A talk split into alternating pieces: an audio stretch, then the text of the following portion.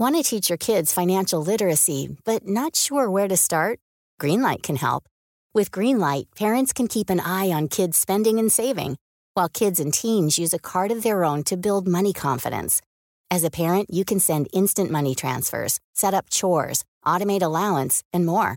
It's a convenient way to run your household, customized to your family's needs, and the easy way to raise financially smart kids. Get started with Greenlight today and get your first month free at greenlight.com slash ACAST. This podcast is brought to you by eHarmony, the dating app to find someone you can be yourself with. Why doesn't eHarmony allow copy and paste in first messages? Because you are unique, and your conversations should reflect that. eHarmony wants you to find someone who will get you. How are you going to know who gets you? If people send you the same generic conversation starters, they message everyone else. Conversations that actually help you get to know each other. Imagine that. Get who gets you on eHarmony. Sign up today. I'm Sandra, and I'm just the professional your small business was looking for. But you didn't hire me because you didn't use LinkedIn jobs. LinkedIn has professionals you can't find anywhere else, including those who aren't actively looking for a new job but might be open to the perfect role, like me. In a given month, over 70% of LinkedIn users don't visit other leading job sites. So if you're not looking on LinkedIn, you'll miss out on great candidates like Sandra. Start hiring professionals like a professional. Post your free job on linkedin.com/spoken slash spoken today. Millions of people have lost weight with personalized plans from Noom, like Evan, who can't stand salads and still lost 50 pounds. Salads, generally, for most people, are the easy button, right? For me, that wasn't an option. I never really was a salad guy. That's just not who I am. But Noom worked for me. Get your personalized plan today at Noom.com. Real Noom user compensated to provide their story. In four weeks, the typical Noom user can expect to lose one to two pounds per week. Individual results may vary. I don't need a lot of brains in this business. I mean, I've always said if you got an IQ of 160, give away 30 points to somebody else because you don't need it in investments. What you do need is emotional stability. Wow. Very first tech IPO, and it's a big one. Stock market hit an all-time record high today. A crash is coming. Now, whether it's six months from now, 12 months, 36 months, no one knows. There's a bear market about every five years. We've gone eight years without one. People have to realize this is the biggest IPO ever. Hej och välkommen till Market Makers, Sveriges bästa finanspodd. Ja, det tycker jag man kan säga, va? Eller? Det tycker jag det är absolut. väl ödmjukt.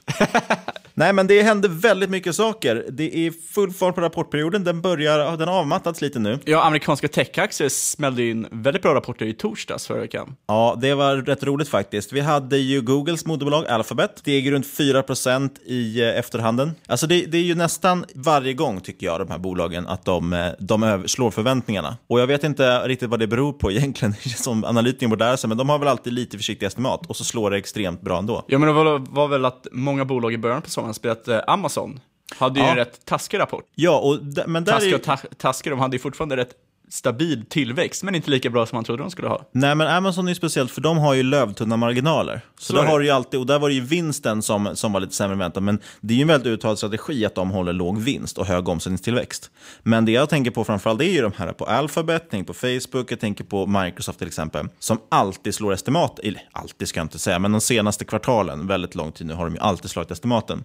För de har ju fin vinst. Men Google rapporterade superrapport, det är 4% och då gick de över 1000 1000 dollar per aktie. Det gjorde ju också Amazon när de steg med 13 procent. Exakt, helt galet. För de slog ju till, och det är väl kanske till viss del antar jag Whole Foods som räknas in. och så. Som sagt, de kan ju justera sina marginaler lite bara och slå liksom, förväntningarna om de vill. Absolut, men det gjorde ju också att Jeff Bezos, eh, alltså vd och grundare för Amazon, eh, nu blir världens rikaste man. Igen! Yes. Och tar platsen från Bill Gates. Igen! Exakt, vars Microsoft också levererar in fantastiska siffror. De steg väl eh, 7 procent. Hade inte lika bra koll på dem faktiskt, för de ägde jag inte. Amazon Alphabet köpte jag tillbaka. Jag har inte haft dem på tag på grund av dollarn där.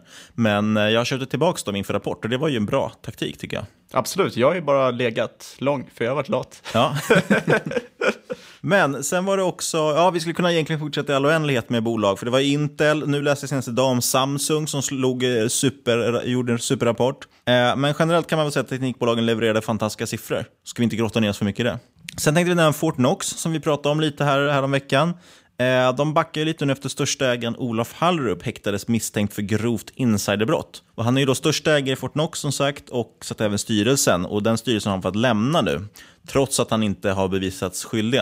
Och det finns ju, just det här, då, finns ju lite spekulationer om, om huruvida han skyldig eller inte. Det har ju varit, Finansinspektionen har varit hårda på senaste tiden tycker jag. Plockat mycket folk. Eh, jag skulle dock tycka då att, eller min syn på det, även om det alltid är tråkigt, för att om han inte han är ju ändå en storägare liksom, och har haft mycket inflytande. Men det är inte han som har levererat den enorma tillväxten. Så, så någonstans är ändå lite det som brus. Sen också en väldigt kul grej när vi snackade om Canopy Growth Corporation här om veckan i ett avsnitt. Eh, det steg ju med 20%. Ja, och det var ju, och idag har de gått upp eh, runt 7% då, eh, när vi spelar in det här. Det här är alltså tisdag den 31 oktober kan vi ju nämna, så folk vet när vi spelar in det här. Och det var ju för att Constellation Brands, en gigant inom öl, eh, vinsprit, de äger väl Corona? Ja, de, eller de distribuerar Corona ska man säga, i USA. Mm. Det är Exakt. i princip, en av, jag tror att det är den största importören av de här varorna i USA. Men de gick in och köpte 10% av, eh, av Canopy och det ger ja. en jäkla kredibilitet, kredibilitet till så här företag. Precis, för hela branschen egentligen. Anledningen till att de köper Canopy kan man ju liksom spekulera det är ju för att det är det största bolaget. Det är ju det enda också som är listat på stora listan i Kanada. Och sen de, de som går med vinst, det, det är väldigt stort fint bolag. Eh, och då har det nu pratas det ju lite om att man kanske ska ta fram den här typen av produkter. Då. Alltså typ öl kanske med inslag av marijuana och sådär.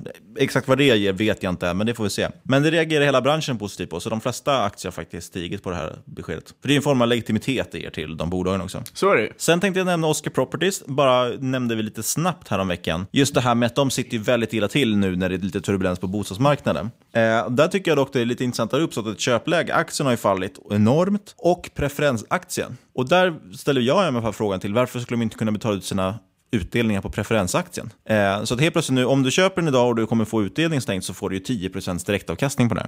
Plus att du har ett, ett, eh, ett alternativ. De kan ju lösa in dina aktier, men du kan också välja att lösa in din preferensaktie på, jag tror att det är i samband med årsstämman, eh, och då göra en, en vinst på runt eh, på runt 15% på dagens nivåer. Så jag har faktiskt köpt på mig lite Oscar Properties pref-aktie. Det är jäkligt intressant. På 210 kronor. Då. Den har ju legat innan på runt 260. Eh, och jag vill minnas, nu vart jag osäker, men jag vill minnas att inlösenskursen är på 240, då, så det är ungefär 15% uppsida. Jätteintressant. Jag, jag tycker i alla fall låter som ett ganska solklart case, för att de säljer fortfarande lägenheter och, och det, det, jag tror inte att de kommer gå i konkurs. Men det är väl det andra som tror det, är därför priset har gått ner. Absolut. Sen, time will tell. Det kommer det göra.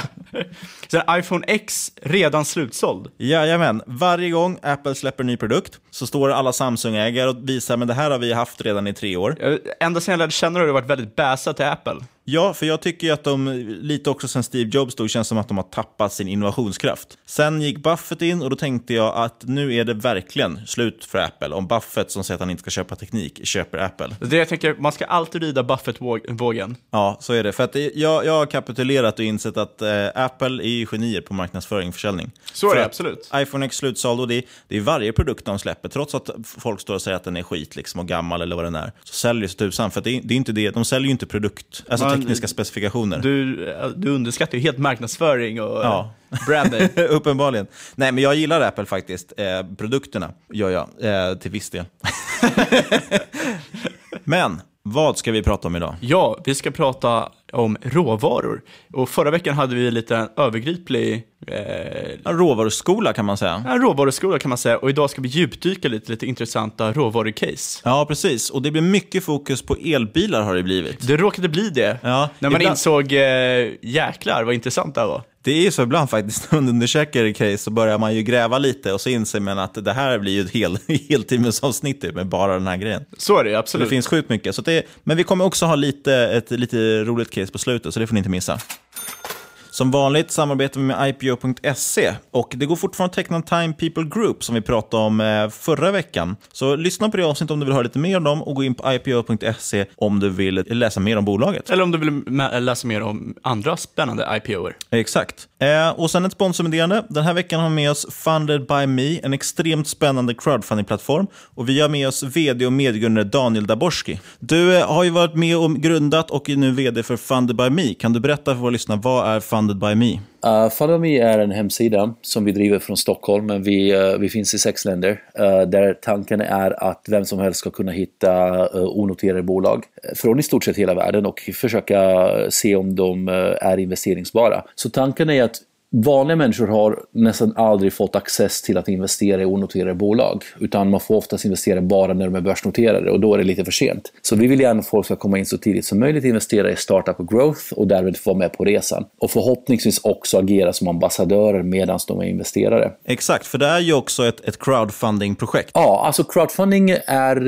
är egentligen ett nytt ord för ett ganska urgammalt fenomen. Så det, det som har hänt de senaste 5, 6, 7 åren sedan vi har eh, etablerat crowdfunding i Norden är att man kan nu digitalt kontakta folk över hela världen och på ett par minuter finansiera sitt bolag. Så vi har egentligen två kunder. Den ena kunden är den som behöver kapital eh, och den andra kunden är eh, allt från eh, avancerade investerare till gemene man som, som vill vara delägare i nästa stora succé. Det intressanta är om man tänker efter att Minecraft till exempel crowdfundade en gång i tiden och hade man haft equity funding då så hade det varit ganska coolt att investera och bli delägare i Minecraft. Verkligen, och apropå svenska spelundret så är ju Paradox en riktig succé saga just med deras eh, ja. crowdfunding som de hade. Men jag tänkte vi ska prata om de projekt ni har nu. Ni har ju bland annat ett jättespännande VR-projekt som heter VRX, mm. som har en form av, eh, vad ska man säga, nöjesfält kan man väl säga, VR-nöjesfält. Ja, exakt, exakt. Man tar på sig sin VR-gear, både ryggsäck, glasögon och vapen och sen går man runt i en riktig miljö där de, där de har byggt upp eh, hindren i, i,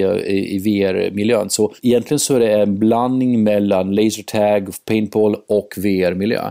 Fantastisk idé tycker jag med tanke på att du också rör på sig. VR brukar vara ganska statisk annars. Och tanken här är att de ska bygga ungefär som uh, du vet, Andis lekland för barn, men det här ska vara lekland för vuxna. Man tar sig ut till Bromma eller någonstans och kör VR-simulatorer, krig, spel och massa annat liknande. Och jag tror, jag tror det kan bli kul. Och det roliga var att vi, det gick live uh, idag och uh, de, de, är redan nu på 109 procent. Så det har gått väldigt fort. Sen har ni också Paradiset, apropå det här med att fylla fort. De har ju gått riktigt bra, eller hur? Ja, Paradiset är en rekordkampanj, både för oss och för, eh, för Norden. Vi fick in 5 5050 investerare som tillsammans investerat 21 eh, miljoner. Eh, det är en extrem summa.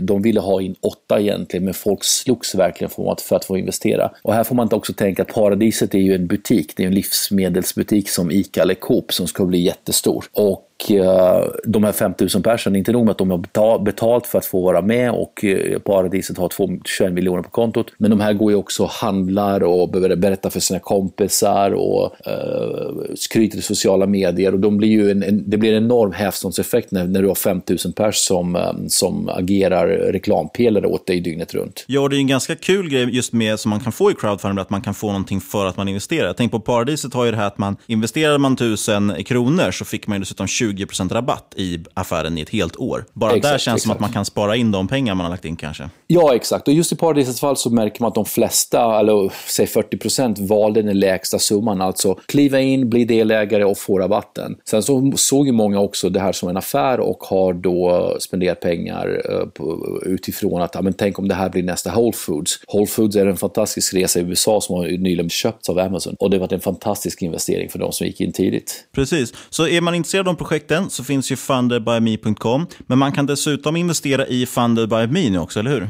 Ja, det är skitspännande. Vi har ju alltid levt som vi lärt, så vi har ju bjudit in våra fans och kunder att bli delägare i oss. Och nu eh, 10 november öppnar vi en ny runda till våra eh, kunder och eh, tanken är att vi ska stärka vår kassa inför uh, nästa år där vi tittar på en eventuell börsnotering och fortsatt tillväxt. Och det där är ju något som är väldigt intressant för, för investerare framförallt. För att generellt så är det ju så att onoterat värderas ju lägre än noterat. Så det kan vara mm. väldigt intressant. Ja, alltså, exakt. Alltså, man ska ju komma in så, så tidigt som möjligt. Eh, det finns en story om Amazon där folk fick, fick investera 50 000 dollar styck. De som investerar 50 000 dollar i Amazon 94, de, de, de har ju haft en enorm multipel. Eh, det är väl, det är väl likadant med ekonomi och alla bolag som man investerar i. Hägras en börsnotering och det finns en likviditet i aktien och man får kliva in tidigt så ska man ändå överväga det. Så det är riktigt intressant. Gå in på funderbyme.com om ni vill läsa mer och tack så mycket Daniel för att du var med.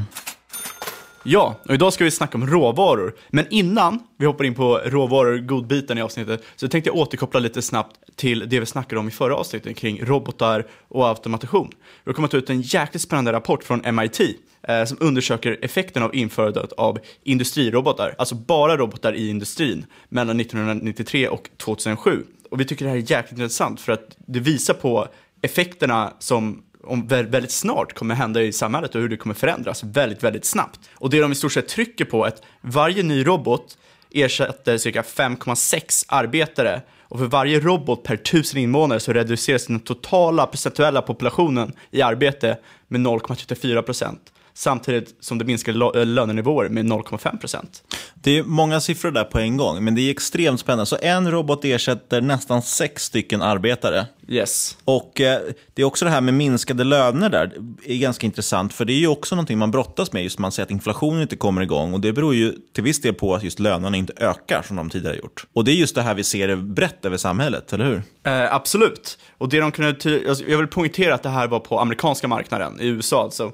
Eh, de tryckte också på i rapporten att robotarna har fyrdubblats de här 14 åren som studien eh, kollade på. Det de kunde konstatera var att eh, man, man sitter och säger att när gamla jobb försvinner så kommer det nya jobb. Men de kunde inte hitta några, Några bevis. jobb. Nej, de kunde inte hitta några nya jobb där liksom de som har blivit avsatta, till exempel om du har jobbat på en oljerigg och så eh, smäller in en, någon typ av eh, robot som hjälper till där. Då var det inte så säkert att de som har jobbat på oljeriggen har några, några andra jobb att gå till. För de har väldigt specifika kunskaper. Exakt. I alla fall fyrdubblas senaste 14 åren, kommer troligtvis fyrdubblas igen till 2025 till cirka sju robotar per tusen invånare. Jag vill bara också flika in där en siffra var ett antal jobb man säger har försvunnit på de här 14 åren var mellan 360 till 670 000 människor i USA. Det är extremt mycket folk. Sen kommer, det, sen kommer det absolut dyka upp mer jobb i eh, framtiden som liksom tar plats. Grejen är att tidigare har det varit att de jobben som försvinner, de som har jobbat där innan kan gå vidare till de nya jobben. Det behöver inte direkt vara så nu. Det är det, de, de nya jobben kan kräva ett helt annat typ av skillset än vad de som förlorar sina jobb kan behöva. Fast jag vill nog hävda att så har det ju varit förut också. Att det oftast är en, en, en klick med människor som hamnar emellan. Och är du då nära pensionen, då är det ju många som bara har glidit med, varit arbetslös och sen pensionerat sig. Och en Så, del har behövt absolut. återutbilda sig Absolut. eller klivit ner kanske på karriärstegen. Oavsett vilket i alla fall så är det extremt intressant. Sen också vill jag bara, bara för ytterligare lägga in en grej, i att det finns ju fortfarande dock en hel del människor som tror att just i det här fallet att det inte kommer komma några nya jobb. Det finns ju ingen eh, liksom, lag om att det måste komma nya jobb. Absolut För inte. om robotarna tar över alla arbeten och vi börjar betala ut någon form av medborgarlön eh, så helt plötsligt behöver folk inte jobba. Nej. Sen är inte jag nödvändigtvis av den åsikten själv, men jag, det är en del människor som argumenterar så i alla fall. Ja, det, jag, jag tror att det är många som tror att längre fram i tiden kan det nog bli jäkligt bra för väldigt många att slippa göra många eh, skitjobb kanske, som kommer ersättas av robotar. Men Exakt. vägen dit kommer troligtvis bli jäkligt jobbig. Sen får man ju också säga, jag är ju lite av den här åsikten att, ja, men ett jobb ger ju också mening till livet med någonstans, att man, man bidrar med någonting. Men å andra sidan kanske jag då som har en, en gammaldags syn på vad som ger mening i livet. Nej, men jag tror att det är, det är lättare att du blir utstött från samhället om du inte har något att bidra med. Det ser man ju på folk som är arbetslösa, att de har mycket större risk att hamna i till exempel drogberoende, eh, utveckla mentala sjukdomar och liknande. Ja, jag vet, jag kommer ihåg att jag läste en ganska intressant rapport man tittade på. Eh, det var någon by, jag tror att det var i, i Alperna någonstans, tittade man på byar där de la ner en fabrik och det var enda som fanns där och det var för svårt tillgänglig terräng för att ta sig därifrån. Eh, eller snarare liksom sitta och pendla över bergen till någon annanstans. Och då just man, fick man stora populationer som varit arbetslösa eh, och då gav man dem någon slags a-kassa liksom, eller arbetslöshetsbidrag. Och då såg man direkt att depressionen steg i höjden. Och att just att det kanske inte alltid är pengarna, det är inte överlevnaden det handlar om, utan det handlar om också känna med att man, man bidrar med någonting och skapar ett värde framförallt. Så är det absolut. Men nog om det. Ja, eh, så vi ska nu, nej just det, jag har ett till sidospår vi ska hoppa in på. Eh, men det här är väldigt relaterat i elbilar som är mitt case för, eh, för råvarorna. Och det är i en rapport från en think tank som heter RethinkX. Eh, så kommer Transportation as a Service, alltså TAS, att utgöra cirka 90% av all transport i USA eh, 2030. Men endast 60% av den totala bilflottan kommer att finnas kvar. Då ska vi lägga till det as a service, som en tjänst, har ju blivit ett riktigt modord. Man lägger till på allt möjligt. Software as a service och allt möjligt finns det ju. Absolut. Och det handlar ju egentligen om att någonstans man handlar på, ska man säga, on demand. Du- Det är lite som man tänker på med streaming. Istället för att du går och köper en film och har den hemma, så streamar den. Då är det ju som en service, Ja, någon en typ av tjänst. prenumerationstjänst. Du Exakt. betalar när du använder det. Och i det här fallet då, just nu kanske vi ska prata mest om, om lastbilar och sådär, men om du tänker en vanlig bil, istället för att du skulle äga din bil hemma, så har du taxibilar som åker runt över stan. Då har du transport som en service. Mm. Så vet alla vad det är för någonting. Det, det som är intressant med det, det finns jättemånga fördelar. Eh, Framförallt så eh, tror man att eh, snittamerikanen kommer spara väldigt mycket pengar. 5 600 dollar om året. Absolut. Det kommer ge, öka BNP. Upp till en biljon dollar om året. Och det kommer rädda massa liv om året eftersom de kommer vara självkörande. Det kommer vara bra för naturen för elbilar. Däremot finns det en jäkla massa nackdelar också. Inte bara så att de som jobbar som bilförare, det finns till exempel 6 miljoner taxiförare idag, kommer förlora jobbet. Utan även alla som jobbar industriellt relaterade till de här jobben kommer förlora. Det är alltså, jobbar du med eh, på en bensinstation, då är du körd. Jobbar du som bilförsäljare, då är du körd. Jobbar du liksom bilförsäkring eller jobbar du liksom tar hand om bilolyckor. Ja, det är väldigt många, som- precis som man inte tänker på. För det, det är ju en del som, eh, vi pratade lite där innan och så sa du en rolig att man, när man berättar det här för folk så säger de så här, "Ja, men jag kör inte lastbil, jag kör inte taxi. Men det är ju en extremt stor kringindustri också, bara kring transport. Eh, det känns som att de få som kanske får behålla jobben, ja det finns ju några tillverkare och så här, men titta på Tesla, deras fabrik är ju helt automatiserad. Det är väl typ, det är logistiken som finns kvar, sitta och planera rutter liksom och sådär. Men det är ju å andra sidan borde ju en AI kunna ta över också. Absolut. Men, men då enligt den här rapporten så estimerar man att cirka 5 miljoner i USA kommer förlora jobbet. Ja, och där är det intressant. Det vet, vet jag inte om, om det är medräknat där, men om de här fem miljonerna dessutom då inte tjänar pengar längre, vad ska de då konsumera för? Så det, det får ju kringeffekter Exakt, så som man det, inte tänker på. det är inte bara de direkta och indirekta som drabbas, utan det är liksom bolag som inte alls har någonting med det här att göra. De in, indirekta. In, indirekta, exakt. som drabbas för att du, liksom, de här människorna kommer inte kunna konsumera de här bolagen. Exakt. Så det kommer bli väldigt, väldigt annorlunda. Sen kommer ju liksom bilbolag drabbas, förändras, eh, troligtvis kommer mindre bilar säljas överlag. Det de trycker på i rapporten, det här kan, de har räknat till 2030, det kan komma att det händer 2040 eh, eller någonstans däromkring, eller tidigare, vem vet. Det de trycker på att det här kommer hända, det är inte en fråga Life is full of awesome what ifs, and some not so much, like unexpected medical costs. That's why United Healthcare provides Health Protector Guard fixed indemnity insurance plans to supplement your primary plan and help manage out of pocket costs. Learn more at uh1.com. Want to teach your kids financial literacy, but not sure where to start? Greenlight can help. With Greenlight, parents can keep an eye on kids' spending and saving, while kids and teens use a card of their own to build money confidence. As a parent, you can send instant money transfers, set up chores, automate allowance, and more. It's a convenient way to run your household, customized to your family's needs, and the easy way to raise financially smart kids. Get started with Greenlight today and get your first month free at greenlight.com slash ACAST. Wow. Nice. Yeah. What you're hearing are the sounds of people everywhere putting on Bombas socks, underwear, and t-shirts made from absurdly soft materials that feel like plush clouds. Yeah, that plush. And the best part? For every item you purchase, Bombas donates another to someone facing homelessness. Bombas. Big comfort for everyone. Go to bombas.com slash ACAST and use code ACAST for 20% off your first purchase. That's bombas.com slash ACAST. Code ACAST. Many of us have those stubborn pounds that seem impossible to lose, no matter how good we eat or how hard we work out. My solution is PlushCare.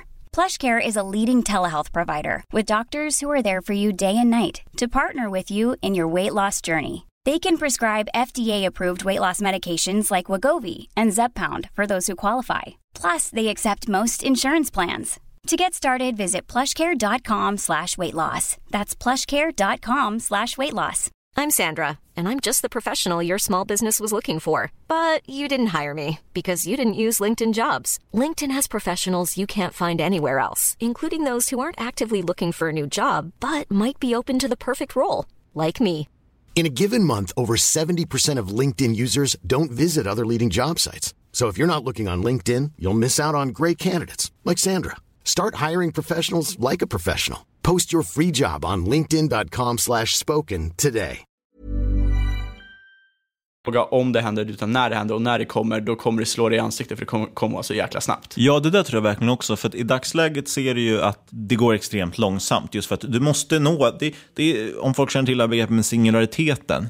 Alltså man kommer ju någonstans till en, en breaking point, en, eller en tipping point snarare. En punkt där man når så pass bra självkörande bilar i det här fallet. Att helt plötsligt går det inte längre att köra vanligt. Exakt. För i dagsläget är det inte riktigt tillräckligt bra och då blir det inte en särskilt bra tjänst. Eh, när du ändå måste sitta och hålla handen på ratten. Jag läste faktiskt senast idag, eh, Google har ju ett underbolag, dotterbolag som heter Waymo som utvecklar självkörande bilar. Och de har ju tidigare då byggt just assistansmöjligheter. Att du sitter i en självkörande bil men du ska när som helst kunna hoppa in och styra den själv som förare. Och det de upptäckte var att eh, den delen egentligen, att den här mänskliga föraren som sitter i, det försämrar ju, Så är det ju. bilen mycket, för, mycket mer. För att om du pratar med någon som är skeptisk till självkörande bilar, då är det alltid, ja men det är lugnt så länge det inte är en risky situation.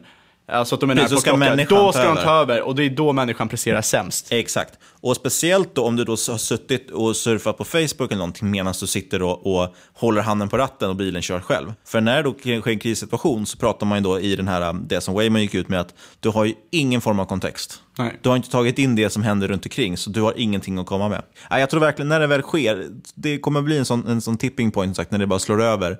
Och när första bolaget går ut väldigt hårt och börjar eh, implementera självkörande transporter. Ja, alltså det kommer, kommer det kommer ju bero på eh, regulationer. Ja. Eh, men jag tror att Det- när, det- när, när, man, när politiker kommer inse hur många liv som kommer kunna räddas, då kommer det bli en så här, du kan inte liksom reglera, reglera det till döds. Nej, men det är också spännande. Det kommer faktiskt, det är bra att du nämner för det, det är ju det som kommer bli stora. Det kommer ju vara lobbyorganisationer och fackorganisationer som kommer stå och dra i handbromsen. Absolut. Av förståeliga skäl, för att det är massa människor som blir av med jobbet. Men, ja, nu när vi har det ur vägen så kan vi leda in oss på huvudcaset för avsnittet. Ja, vad har elbilar att göra med råvaror egentligen? Jo, och det är att elbilar senaste året har drivit på både råvarupriser men även aktiepriser. Priset på kobolt, varav cirka hälften av utvunnet kobolt används till batterier, har eh, på ett års tid fördubblats.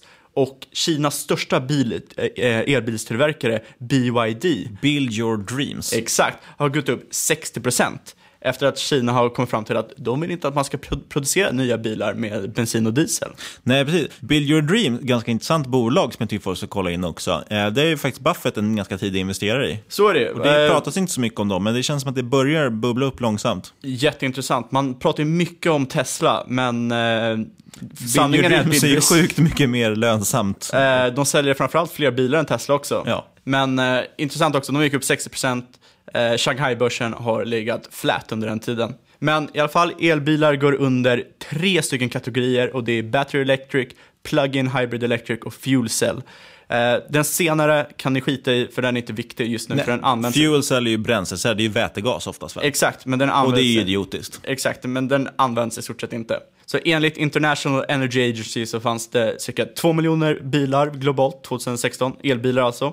Varav 1,2 använder battery electric och 0,8 använder den här plug-in hybrid. I alla fall, eh, 10 länder utgör 95% av marknaden för elbilar fram till mitten på 2017. Och det är till exempel Kanada, Frankrike, Sverige, Norge, Storbritannien, USA och Kina bland annat. Ja, och Kina är lustigt för att det är ju många som alltid lyfter fram dem som den största koldioxidboven. Eh, men å andra sidan är de faktiskt de som kämpar, eller kämpar ska jag inte säga, men de som jobbar mest för att driva på till exempel elbilstillverkningen och eh, fossilfritt bränsle och sådär. Ja, absolut. Kina är en väldigt stor spelare i, i elbilsmarknaden. Kina står till exempel för 18% av världens BNP och typ 19% av befolkningen. Men de står av 30% av totala bilförsäljningen och 50% av den totala elbilsförsäljningen. Så då är ju verkligen BYD ett väldigt intressant case. Ja, precis. Och som du sa förut, Tesla är det alla tittar på och, och bettar på som någon slags option på elbilsmarknaden. Det, är- det är gravt övervärderat och helt ute och cyklar. Build your dreams är faktiskt ett mycket mer intressant bolag i det fallet.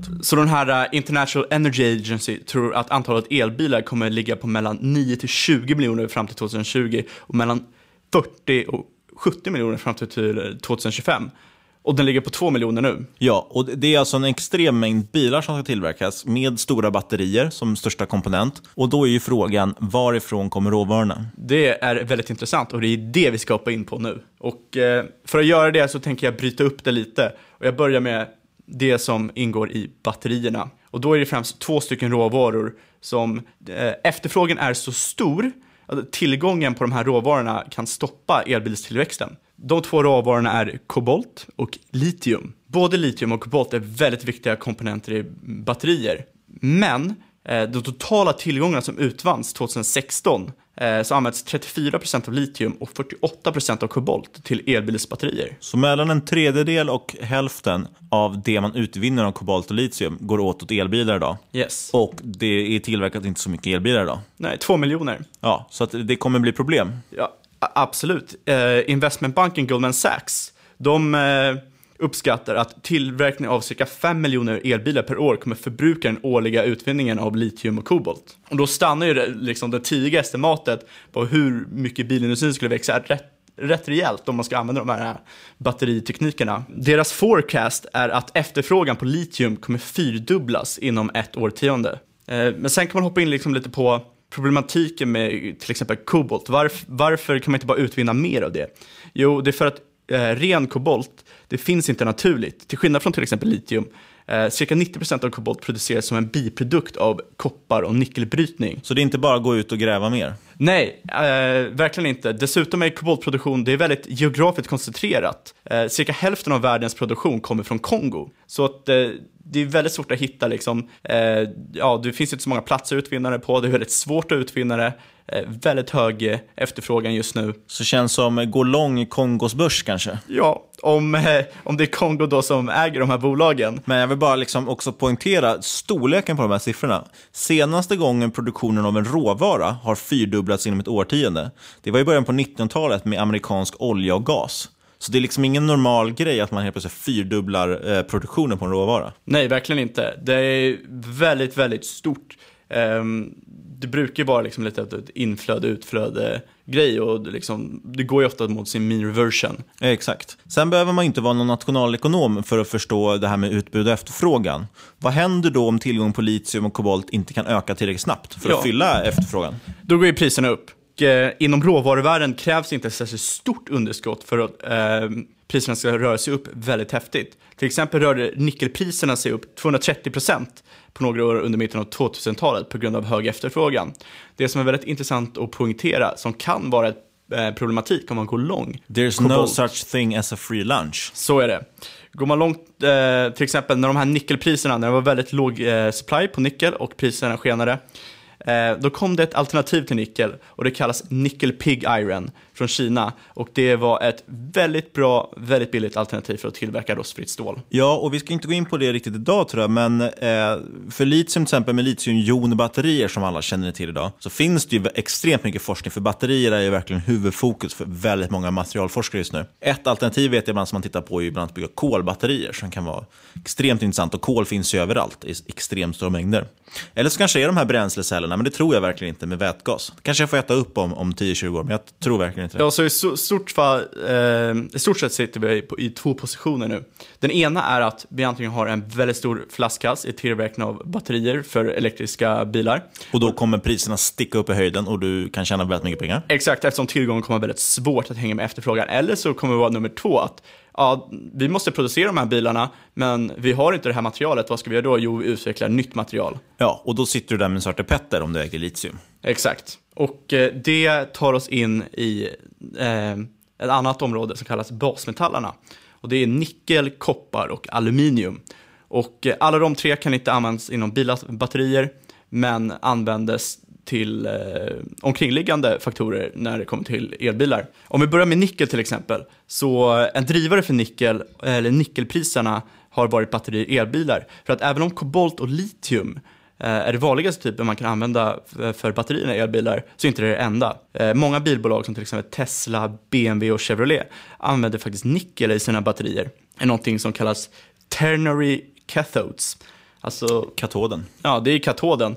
Det är faktiskt relativt troligt att fler elbilar i till exempel Kina kommer använda nickel i sina batterier eftersom eh, den litiumvariant variant som används just nu eh, uppskattas ha nått sin maxkapacitet. Ja, och den används ju ungefär i tre, tre fjärdedelar av alla elbilar i Kina. Eh, exakt, och det gör ju att eh, troligtvis så kommer ju nickel, att det kommer vara en större efterfrågan på nickel att användas i framtida bilbatterier. Ja, där finns det väl ett estimat då på att man tror att gå från andelen som används i bilbatterier ungefär 2% eh, 2016 då, och då tror man att den kan växa till kanske 10-14% av total batteriproduktion fram till 2025. Exakt. Och där finns det ju dessutom mer utbud egentligen också än i kobolt. Ja, framförallt just nu en liksom, drivande kraft för varför man vill utveckla nickelbatterier är för att det kostar mycket mindre än vad kobolt kostar. Exakt. Sen har vi även koppar.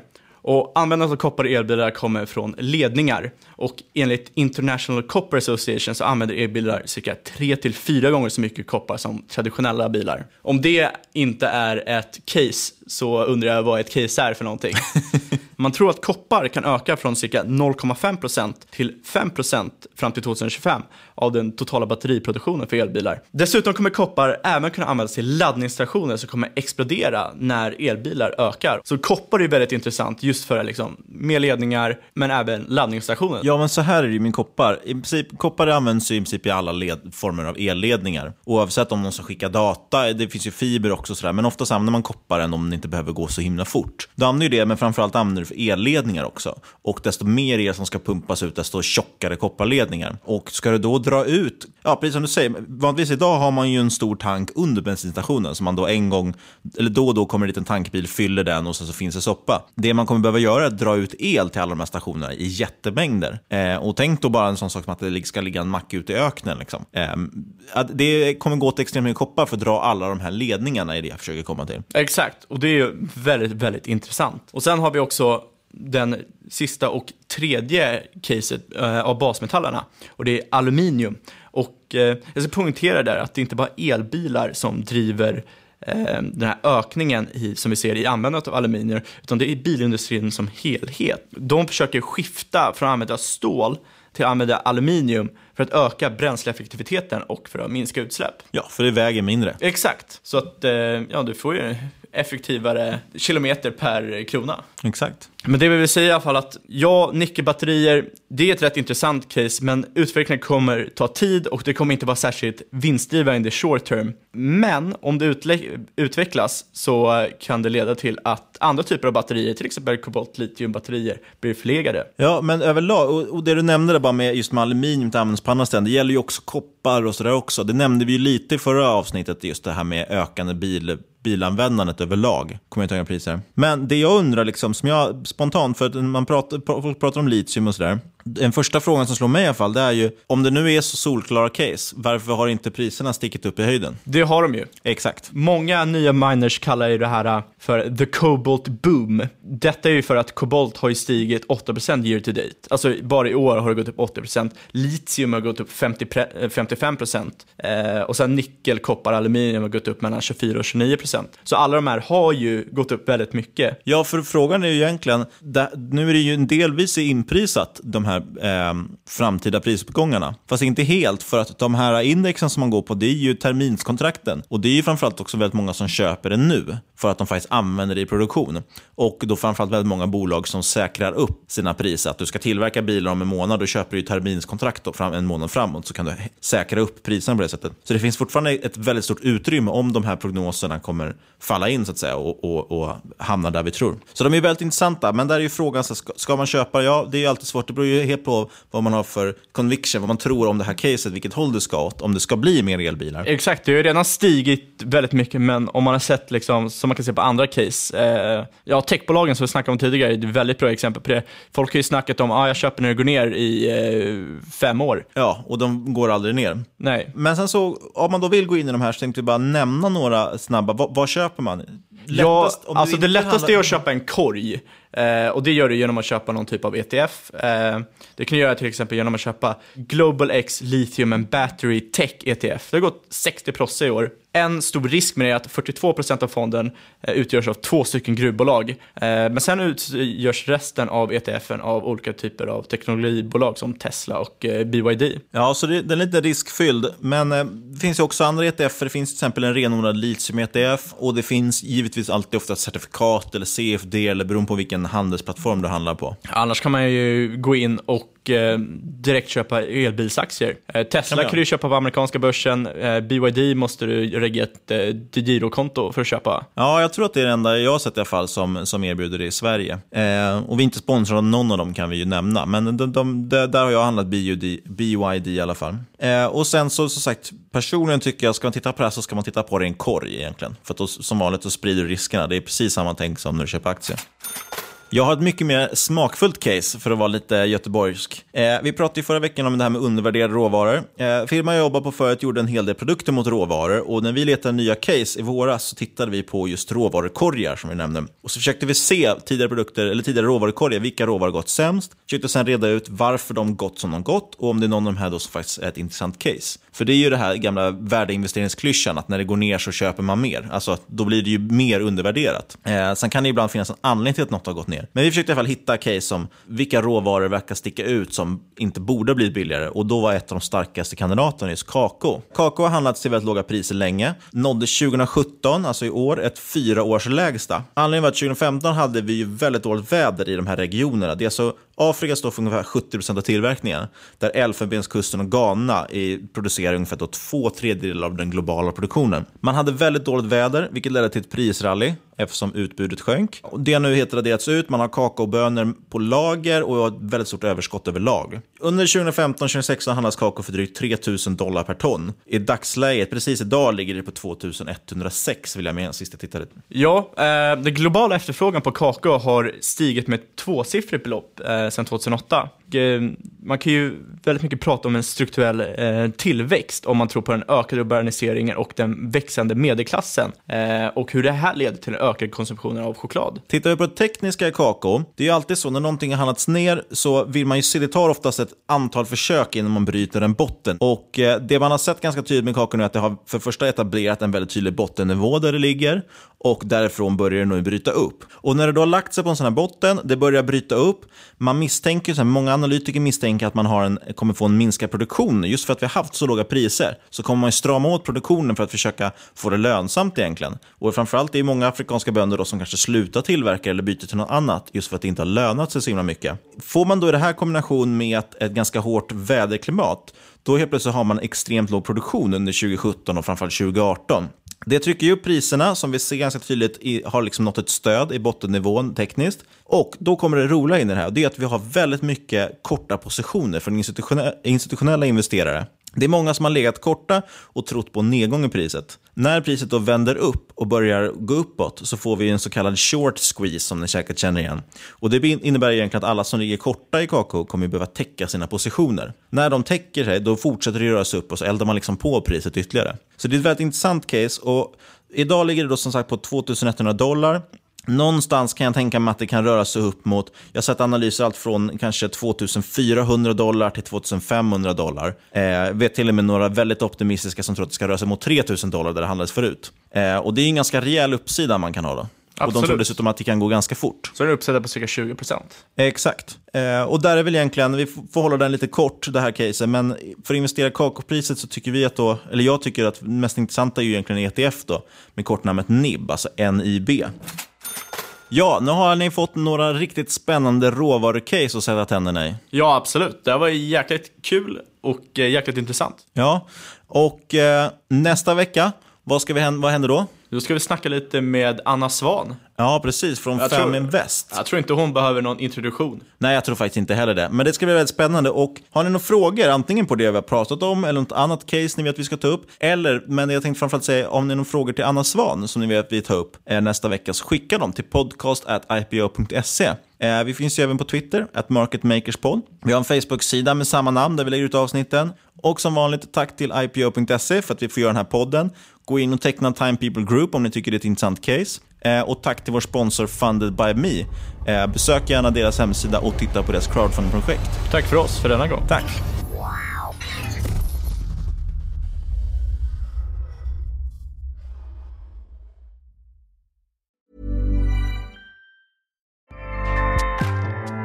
ACAST powers the world's best podcasts. Here's a show that we recommend. The Real Housewives is a guilty pleasure for most, but if you're looking to not feel guilty about that pleasure, tune in to Everything Iconic with me, Danny Pellegrino, where I break down all the messy moments and behind the scenes antics of Bravo's popular franchise. And on Everything Iconic, I also interview celebrity guests like Kelly Ripa, Kiki Palmer, Drew Barrymore, Cameron Diaz, and more about their guilty pleasures, their past work, and so much more. So if you're pop culture obsessed and find yourself watching way too much reality TV like me, tune in to Everything Iconic with Danny Pellegrino wherever you listen to podcasts. ACAST helps creators launch, grow, and monetize their podcasts everywhere. ACAST.com.